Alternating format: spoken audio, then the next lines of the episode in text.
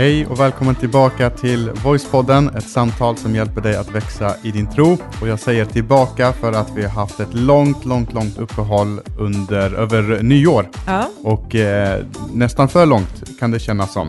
ja, man har ju saknat det. Man har saknat det, men man har Ja. saknat eh, precis, det har man Ja, men det är att, att prata, man har saknat att sätta igång och släppa nya avsnitt. Eh, och det känns lite mysigt att ha dig i mina eh, öron igen faktiskt. Tycker du? Ja, Ja, det jag har saknat, det är, det är för vi, vi har inte gjort det här så mycket eh, och liksom svara på mail och, och kommentarer och, och sådana saker. Det, det, den här interaktionen med människor, Mm. det har man saknat.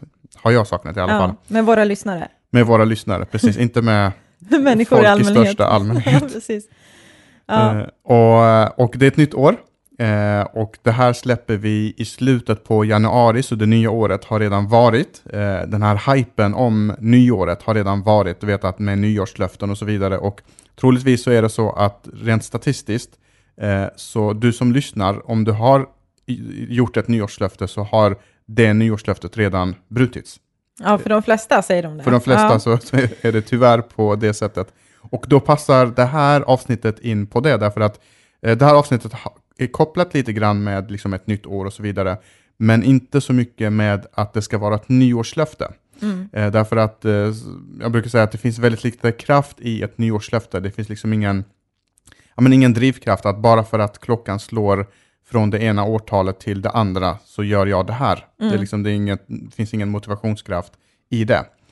Eh, och jag vet inte hur du som lyssnar, hur ditt 2019 har varit, men eh, för en del så kanske det har varit helt fantastiskt, det bästa året någonsin. Man kanske har börjat på en ny, ny skola, man kanske har rest, man kanske har hittat någon, eh, någon partner och så vidare. Men för någon annan så kanske 2019 var det värsta året någonsin. Man kanske har fått ett, eh, ett besked från läkaren, man kanske eh, liksom haft eh, det trassligt med sin rela- sina relationer eh, och så vidare och så vidare. Så att det är väldigt olika där. Mm. Eh, och eh, det här avsnittet eh, kommer just utifrån det att vi har, vi som eh, jobbar i kyrkan, vi får möta människor hela tiden. Och det här är någonting som, som man återkommande ser liksom ett, ett behov som finns. Eh, som titeln är eh, i det här avsnittet, just det här med att, att leva i nuet. Mm. Så det är vad det här avsnittet kommer handla om.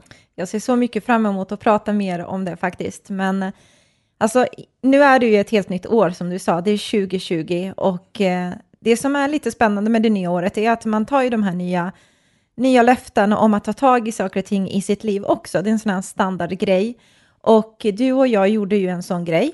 Mm. Eh, och Fast nu, nu ja, innan, jag, innan du fortsätter så ska jag rädda dig genom att säga att du tog ju det här beslutet, eller vi tog det här beslutet innan det var liksom aktuellt för att det ska vara giltigt som ett nyårslöfte. Alltså så. Exakt. Mm. Ex- Det finns ett Det var fönster. på mellandagarna där. Ja, men det finns ett fönster där, liksom där typ tio dagar in, eller så här fem dagar innan nyårsskiftet och fem dagar efter, någonstans där, då är det ett nyårslöfte. Ja. Gör, gör man en förändring i livet innan det, eller efter det, då är det inte ett nyårslöfte, utan då är det motiverat av något helt annat. Precis.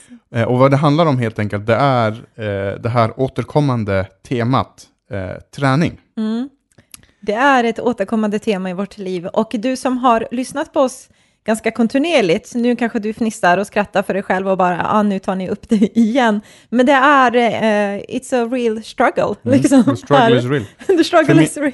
För min del också, men det har också blivit det för din del, därför att eh, liv, alltså dag, våra dagar blir mer och mer fullpackade hela tiden. Mm. Och man har svårt att komma, ta, att ta sig till gymmet. Även om man har köpt det här kortet, och det måste, måste ändå vara världens bästa affärsidé att ha ett gym liksom, med hundratals medlemmar som aldrig är där, känns Nej. det som. Det kan inte vara att det bara är fem personer som har köpt medlemskort, för då skulle det aldrig gå runt. Nej. För det är bara fem personer som är där varje gång jag är på gymmet i alla fall. Ja. Eller tio.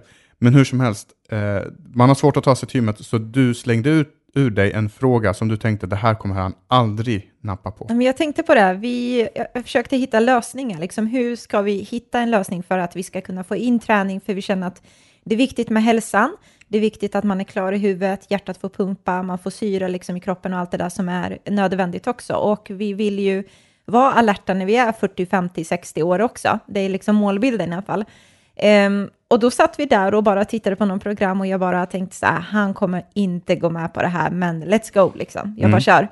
Och så sa jag det, du Heman, ska inte vi, ska inte vi fixa en sån här crossträningsmaskin hemma? För jag vet att på typ 90-talet, morsan hade ju det, när eh, TV-shop, dig det. som liksom vet eh, hur det var på den tiden, då var det ju en sån här träningsmaskin där man kunde köpa hem och det var liksom en hype kring det hela. Eh, var och sen så kom gymvärlden och tog över liksom. Mm. Och det var så här magträningsmaskiner Ja, och det allting var det. började med någonting med ab. Ab slider eller ab tracker eller ab någonting. Det fanns en sån här maskin, det kanske du, de kanske har köpt den. Har du köpt en sån här? Du måste höra av dig bara för skojs skull. Men det var en maskin där man inte behövde göra någonting, utan man skulle bara sätta den på magen och så bara drog det i dina magmuskler. Ja. Sån här, dung, dung, så här pulserande och då skulle man typ gå ner jättemycket i vikt. Så den tränade åt dig, du behövde inte ens Ja, träna. när man bara gick runt och så kunde man ha en tröja över enligt reklamen. Men hur som helst, du typ nappade på Mm. det där den måste ha sett jättekul ut. Ja, alltså det- man går och så rycker det liksom i, Ja. i, i kroppen. Lite Ja, så. Det var, det var eh, grymt. Mm. Men det var, det var de tiderna i alla fall, där alla gick och köpte så här träningsmaskiner. Mm. Och, eh, och då kändes det som att men vi är typ så här eh, 10-20 år efter, ska vi göra det här? Men grejen är att den frågan, det känns som att det är mer en fråga som jag skulle kunna ha ställt till dig. Ja, Eh, men nu kom det the other way around och då blev svaret väldigt så här eh, självklart och direkt. Ja, det kan vi göra. ja, exakt.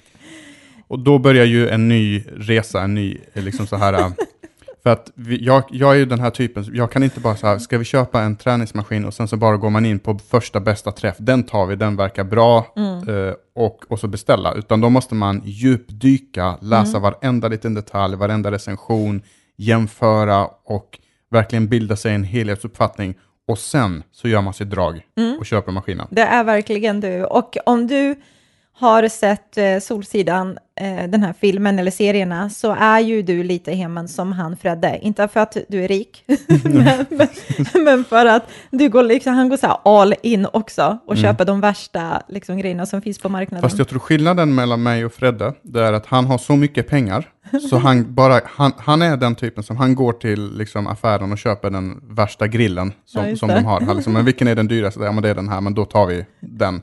När man inte har så mycket pengar, det är då man gör sådana här research. då måste man undersöka, därför du har one chance.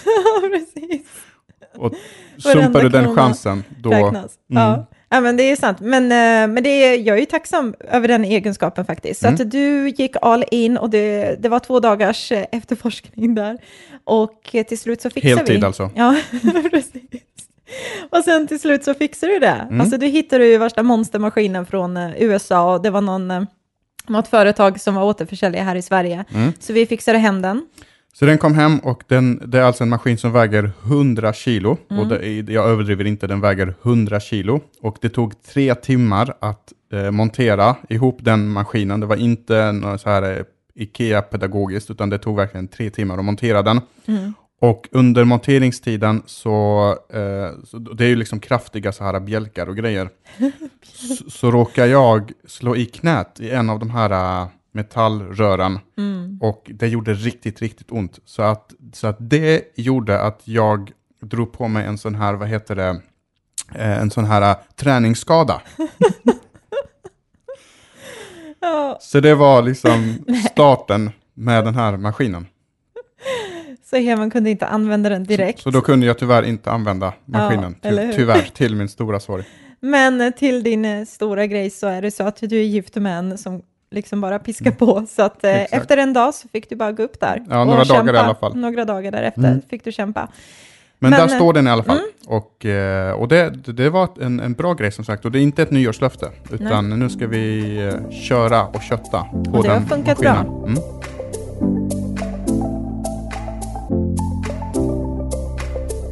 Det här avsnittet kommer handla om att leva i nuet och det är så, precis som vi nämnde, det är ett helt nytt år, det är 2020. Och jag vet inte hur du funkar, men du kanske har lagt märke till att jag kan ibland vara, direkt när jag kliver in i det nya året, det är 2020, så tänker jag på 2019. Alltså direkt så refererar jag till, liksom, ja, men kommer du ihåg hur hösten var eller vad det här hände? Och så lägger man upp sina sex bästa bilder från 2019 på Instagram eller sådär. Och sen så från att jag blir lite nostalgisk så hoppar jag in mot framtiden är slutet på 2020 och drömmer mig bort om allt som vi kommer hinna göra och allt vi förhoppningsvis kommer vara en del av och utföra och allt det där under 2020. Exakt. Så jag, antingen är jag i det som har varit liksom och så eh, hoppar jag jättelångt fram till, till slutet på 2020. Mm. Och där hjälper ju Facebook till. De kommer ju med de här äh, minnena, som, typ så här dina bästa vänner under 2020 och dina bästa bilder och minnen och, och, och allt Ja. eh, vad nu kan vara. Verkligen. Och jag tror att vi har lite lätt för att prata om gårdagen, alltså för det är ju så nära till hands och sen så är det smidigt att hoppa in i framtiden för vi alla älskar att få drömma oss bort lite och visionera och så. Men jag kan prata för mig själv i alla fall att det är sällan jag ser värdet i nuet, att bara vara här och nu. Och jag tror inte att det är bara den moderna människan som liksom upplever det eh, och som kan ibland komma på sig själv och bara vänta nu, det finns ett nu också att leva i utan att vara flummig. Eh, Ja, men, och det är precis det, just det att, att ibland kan det här, liksom, att leva i nuet kan låta lite flummigt och lite så här äh, carpe diem, fånga Ja. dagen-aktigt och så vidare. Just Men det här det. är faktiskt någonting som Bibeln pratar om. Mm. Och som är ett genomgående tema i Bibeln också, att, att liksom, vi kan inte göra någonting åt det som har hänt. Jesus pratar om att inte oroa sig för framtiden heller. Mm. Eh, för att man, liksom, det hjälper inte att oroa sig. Eh, så att det här är i, liksom, i allra högsta grad en, en biblisk princip också, att faktiskt leva i nuet, för att det är, det enda, det, det är den enda garantin du har. Det är Mm. att du lever här och nu, och du vet inte vad som händer nästa minut, eller nästa sekund, eller nästa dag, och så vidare. Eh, Och vi tänkte att vi drar igång hela det här temat genom att läsa en bibeltext som kommer ligga till grund för två stycken avsnitt. Och det här är första avsnittet eh, i eh, här, den här miniserien kan man säga. Mm. Och den texten hämtar vi från Johannes evangeliet kapitel 11 och vers eh, 1 till 7. Eh, Och Johannes som skriver då det här, det här brevet, Johannes evangeliet, han är ju lite av det här den mjuka typen. Han värdesätter relationer, han värdesätter samtal och han är lite filosofisk och så vidare. Och därför så är det inte konstigt att han fångar upp just den här berättelsen. För den här berättelsen handlar om vänskap, eh, det handlar om besvikelser, det handlar om förväntan, Förväntningar, precis. precis. förväntningar som inte blir uppfyllda. Och så handlar det också om en, en lärdom där Jesus tar sina vänner genom Eh, en, eh, men, liksom en läxa, eh, eller en, en, en lärdom utifrån då den här som händer. Eh, så jag tänkte att jag läser den texten så ska vi dyka rakt in i den och se vad vi kan hämta ur den. Och det är som sagt Johannes evangeliet kapitel 11, vi ska läsa från vers 1, och då står det så här.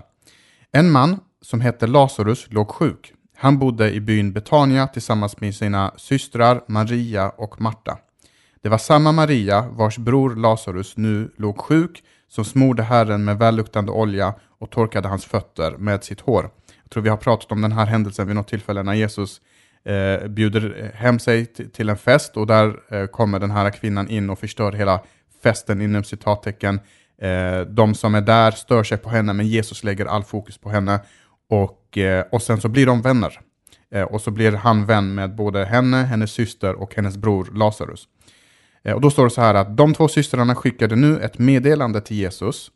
Och i det meddelandet så står det Herre, din vän är sjuk.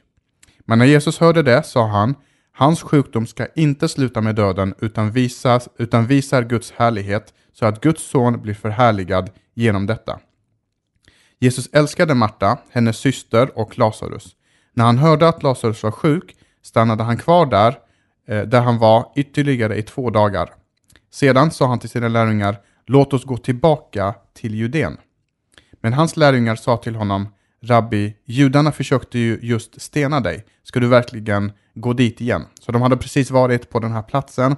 Judarna hade försökt eh, stena honom och så flyr de därifrån, eller de går bort därifrån och nu får de det här meddelandet och så stannar de kvar några dagar till och sen så går de tillbaka. Precis. Så här har vi liksom storyn om, om inledningen på vad det är som händer. Så Lazarus är sjuk och man skickar bud efter Jesus och ber honom komma. Men han kommer inte direkt, utan han dröjer några dagar och sen så kommer han. Mm. Och det är lite intressant det du säger att man målar upp den här bilden av vänskap och det för att Maria, Marta och eh, Lazarus var ju den här familjen som Jesus var väldigt nära utöver sin egen familj. Man ser att det är en så här återkommande relation som de har och han spenderade väldigt mycket tid med just Marta, Maria och Lazarus. Och det är lite, jag tycker alltid det är kul att märka vissa saker så här när man läser sin bibel att det är lite så intressant att det inte finns ett enda ord från Lazarus nedtecknat i Bibeln, vad jag har kunnat hitta i alla fall. Och jag vet inte om det är för att han var ensam kille och, och var liksom själv med två systrar, eh, eller så var han inte en, eh, han var en fåordman kanske, vad vet jag. Men situationen är precis som du sa, att Lazarus har blivit sjuk och de skickar den här hälsningen till honom och Jesus kommer inte direkt. Mm. Och när man läser vidare i den här händelsen så upptäcker man att Jesus faktiskt är inte jättelångt borta från det stället, utan han befinner sig ungefär tre kilometer där de var. Eh, och nu så har det gått liksom flera dagar och jag vet inte om du någon gång har tänkt på det här, men man, man har ju slagit sig liksom en, en fråga, eller frågan har, har kommit till en där man undrar så här, men varför väntade Jesus? Mm, exakt, varför väntade Jesus? Det står ju i och för sig att, att den här händelsen ska inte sluta med döden, utan det här kommer förhärliga eh, Jesus. Men, men eh, eh det finns olika, olika svar på det här eh, såklart och vi kan aldrig veta exakt varför. Men en av anledningarna eh, som man tror är att på den tiden så trodde man att när någon dog eh, så försvann inte själen ur kroppen direkt helt och hållet utan själen lämnade kroppen men så svävade den ovanför kroppen i ytterligare tre dagar. Och den gjorde det eh, för att sen kunna, om den ångrar sig eller någonting skulle hända, så skulle den kunna komma tillbaka. Och det var så man, man liksom kunde förklara eh, liksom, eh, händ, ja, men mirakler, eller om någon fick tillbaka livet, eller om de kanske låg i koma och så kom de tillbaka till livet, så förklarar man det på det här sättet. Men så sa, sa man då också att efter tre dagar, då var hoppet helt ute, då var det helt kört, för att man skulle inte behöva fortsätta hoppas att den här uh, närstående skulle komma tillbaka. Mm. Uh, och det skulle kunna vara en sån grej att att Jesus tänkte typ att amen, när jag gör det här miraklet, när jag eh, återupplivar den här personen, som, och för det är det som kommer hända, det är det vi kommer läsa om snart också, så ska det inte finnas minsta lilla tvivel på att det här var ett mirakel, att det var faktiskt Gud som uppväckte honom från de döda och det var inte bara liksom eh, att, att några så här vidskepliga förklaringar om att anden var där och, och så vidare. Det, det skulle mm. kunna vara en, en, en, sån förklaring. Absolut, att han är så mycket större än liksom vår föreställning av vad som kan hända. Han är mycket större än de traditioner och uppfattningar som fanns på den tiden och den liksom, synsätt som man hade. Men om vi går igenom uh, lite texten mm. och läser där igen så läser vi från vers eh, 17, om man hoppar ner lite, så står det så här, när Jesus kom fram då till Betania så fann han att Lazarus redan hade legat då i graven i fyra dagar, precis och just det här har vi fyra dagar, så det var inte på tredje dagen, utan Nej. på fjärde dagen när allt hopp var ute, då dök Jesus upp. Exakt. Och eh, den här Betania, där staden eh, där de var där, den låg ju som sagt tre kilometer från Jerusalem och många judar hade kommit därifrån för att trösta Marta och Maria deras sorg över deras bror. Men när Marta nu hörde att Jesus var på väg gick hon ut för att möta honom, medan Maria stannade hemma. Och det ska vi återkomma till. Marta sa till Jesus, Herre, om du hade varit här så hade min bror inte dött. Och det är lite intressant att se vad hon säger. Först säger hon så här, Herre, det vill säga alltså Gud, du som är allsmäktig, mm. om du hade varit här. Och jag ser det som att Marta, hon verkar på något sätt mitt i allt det här tumulta, mitt, mitt i det svåra, mitt i alla förväntningar, så verkar hon glömma bort att om Jesus är Herre, om han är Gud, då är han ju inte begränsad till tid och plats. Alltså då kan han komma och göra någonting som mänskligt sett inte funkar heller. Mm. Men lite hopp hade hon ändå kvar i sitt hjärta, för man ser det här i vers 22, eh, så säger hon så här, men jag vet ändå att Gud ska ge dig vad du än ber honom om. Och Jesus svarar henne och så säger han, din bror ska uppstå, alltså han ska komma tillbaka i livet. Och titta här, direkt så tänker hon att det är någonting som kommer att ske i framtiden. Eh, för hon svarar och så säger hon i vers 24, ja jag vet, alltså jag har en klar förståelse av att han ska uppstå vid uppståndelsen på den sista dagen. Liksom, jag är med på det där, jag fattar, vi alla kommer leva sen liksom, i en evighet tillsammans med dig. Och så säger Jesus till henne, jag är uppståndelsen och livet. Den som tror på mig ska leva även om han dör och var en som lever och tror på mig ska aldrig i evighet dö. Tror du detta? Mm. Ja, Herre, svarar hon. Jag tror att du är Messias, Guds son som skulle komma hit till världen. Så det är väldigt intressant samtal när man stannar till här och tittar vad är det som händer här. Mm. För här hoppar ju hon från dåtid till nutid. Först så säger hon Jesus... Dåtid till framtid. Från dåtid till framtid. Jesus, om du hade varit här så hade det här aldrig hänt. Alltså besvikelsen över det som har hänt eller liksom ången som kommer av det som hände eller inte hände. Och sen så när Jesus svarar på det så hoppar hon direkt till framtiden mm. och säger jo, jag vet att det kan hända, men inte nu utan längre fram. Mm. Och en annan grej som Jesus lyfter i det här samtalet tycker jag är dels den biten som du säger, men även också ge henne djupare eh, liksom, mening med vad livet handlar om. För han säger, jag är uppståndelsen, jag är livet, tror du på mig? Liksom. Och det är precis det här som är kärnan i den kristna tron, att livet är mycket, mycket mer än här och nu. Alltså det finns ett liv också efter döden, där vi kan bli återförenade med Gud, vi kan leva i en evighet. Och i um, ett av breven i Nya Testamentet så står det så här att om du med din mun bekänner att Jesus är Herren och i ditt hjärta tror att Gud uppväckte honom från de döda så ska du bli räddad. Just det, Romarbrevet 10 och vers 9. Precis, och det är lite det han liksom frågar henne. Tror du på det här? Tror du att jag är Gud? Tror du att jag är uppståndelsen, att jag lever? Och så bekänner hon det utifrån sitt hjärta. Liksom. Mm. Eh, men lite det här att man ser verkligen att det här är kärnan i den kristna tron, i att livet är mycket mer än här och nu. Mm. Ja, men Jesus kommer till oss, han visar sin, sin kärlek, han betalar våran skuld som vi skulle tagit på oss, så tar han våran skuld och så hänger han sig själv på ett kors och, eh, och tar straffet för alla våra synder. Så han tar liksom våran skam, våran skuld, eh, vårat mörker, allt det som vi brottas med. Så tar han all vår operfektion och så ger han oss sin perfektion och så frågar han henne, ja, men tror, tror du att det här kommer hända? Och då säger hon, ja, eh, det tror jag. Så han säger de här grejerna som kommer hända i framtiden, men han stannar inte där. Han stannar inte med att det här kommer hända i framtiden, utan sen fortsätter han med att ta tillbaka samtalet till, fast nu är vi här och nu. Mm, precis. Och, och, och, jag älskar det här för att det ger mig så mycket hopp för oavsett vem man är, oavsett vad din bakgrund är, oavsett vad du anser dig ha gjort i livet och inte har gjort, så är det aldrig för sent att kunna påbörja den här relationen med Gud. Men som du säger så pekar han ju på nuet också.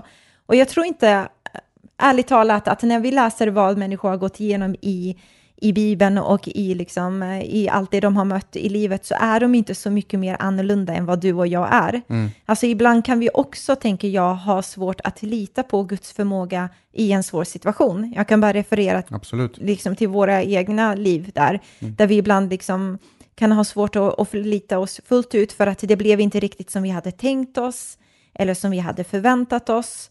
Eh, och jag gillar Marta alltså. För hon hade lite så här äh, en skön personlighet också. Mm.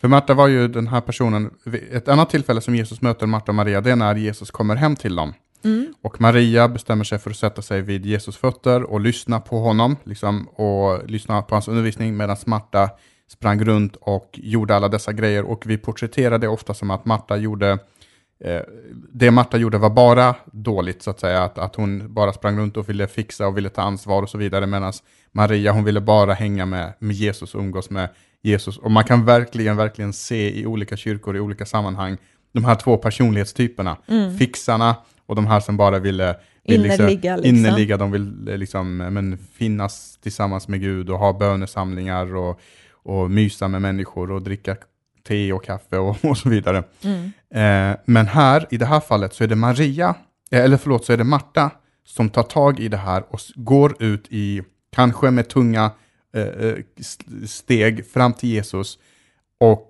konfronterar Jesus kan man säga. Mm. Men Jesus, om du hade varit här, då hade det här aldrig, aldrig hänt. Mm. Och det är så intressant att se deras personligheter, för att Marta gick ut där, när hon hörde att Jesus var på väg in, så går hon ut och konfronterar, ifrågasätter, liksom, precis som du sa där, om du hade varit där.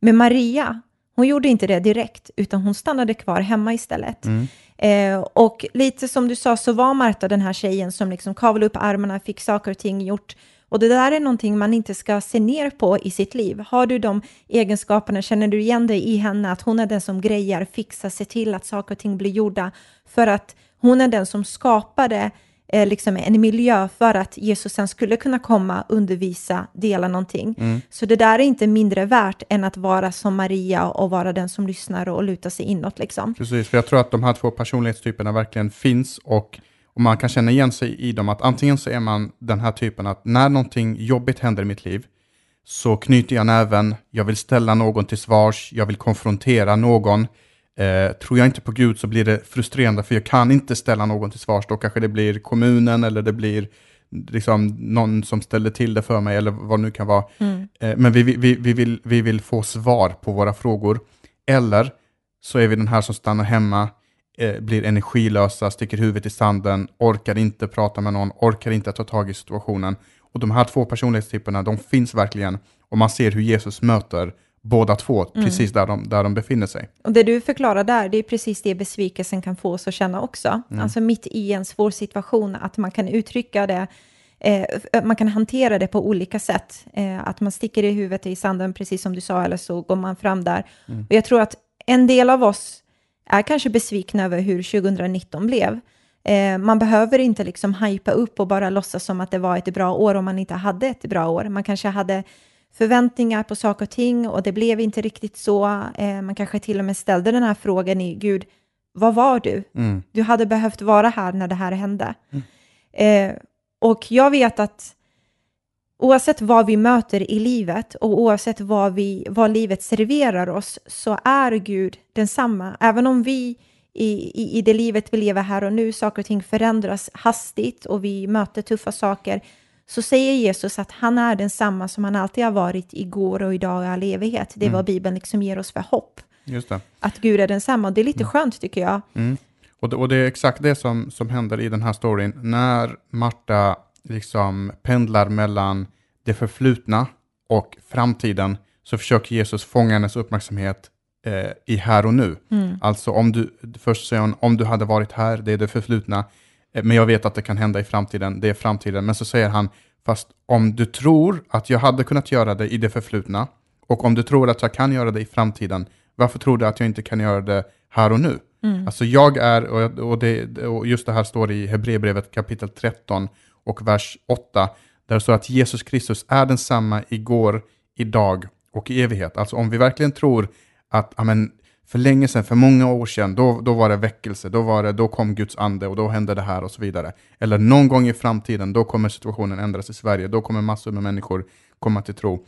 Eller min situation kommer ändras i framtiden, eller vad det nu kan vara. Om jag tror att det kan hända i framtiden och om jag har sett det hända i dåtiden, varför tror jag inte att Gud kan göra det redan här och nu? Och han vill ingjuta det hoppet och jag tycker att det är en sån tröst för oss också, att just att, eh, att våga liksom tro på att, men vänta nu, om Gud kan det där och han vill, eh, låt mig förvänta mig också någonting i mitt hjärta här och nu. Och det är tröstande att veta att den Gud som förlät mig igår, han förlåter mig idag också och han kommer att förlåta mig i framtiden. Den Gud som älskade mig när jag liksom förtjänar det som minst, han kommer också göra det den här dagen när jag känner att jag förtjänar det som minst. Och han kommer göra det i framtiden också. Att Gud förändras inte i hans kapacitet, i vad han förmår att göra, utan han vill ge oss hopp in i vår situation också. Det är det han försöker göra in i den här situationen. Och säga till henne, du, det handlar inte bara om framtiden. Och det handlar inte bara om vem jag är, utan det handlar om att jag vill göra i den här situationen någonting just nu. Exakt, och Jesus är inte i en process. Vi är i en process. Ja, det är vi, Eh, verkligen. Vi behöver förnya vårt sinne, vi behöver bli bättre på vissa saker, förändra vissa saker. eh, Och vi, vi åldras och så vidare. Men, men Gud är ju inte i en process. Det är inte så att han utvecklas och blir bättre och bättre. Eller, Mm. Bättre version av Gud. Nej, utan, utan exakt så som det står i, i den här versen i Hebreerbrevet, att, att han är densamma. Alltså han är, han är konstant. Det som han var då, det är han nu och det kommer han vara i framtiden.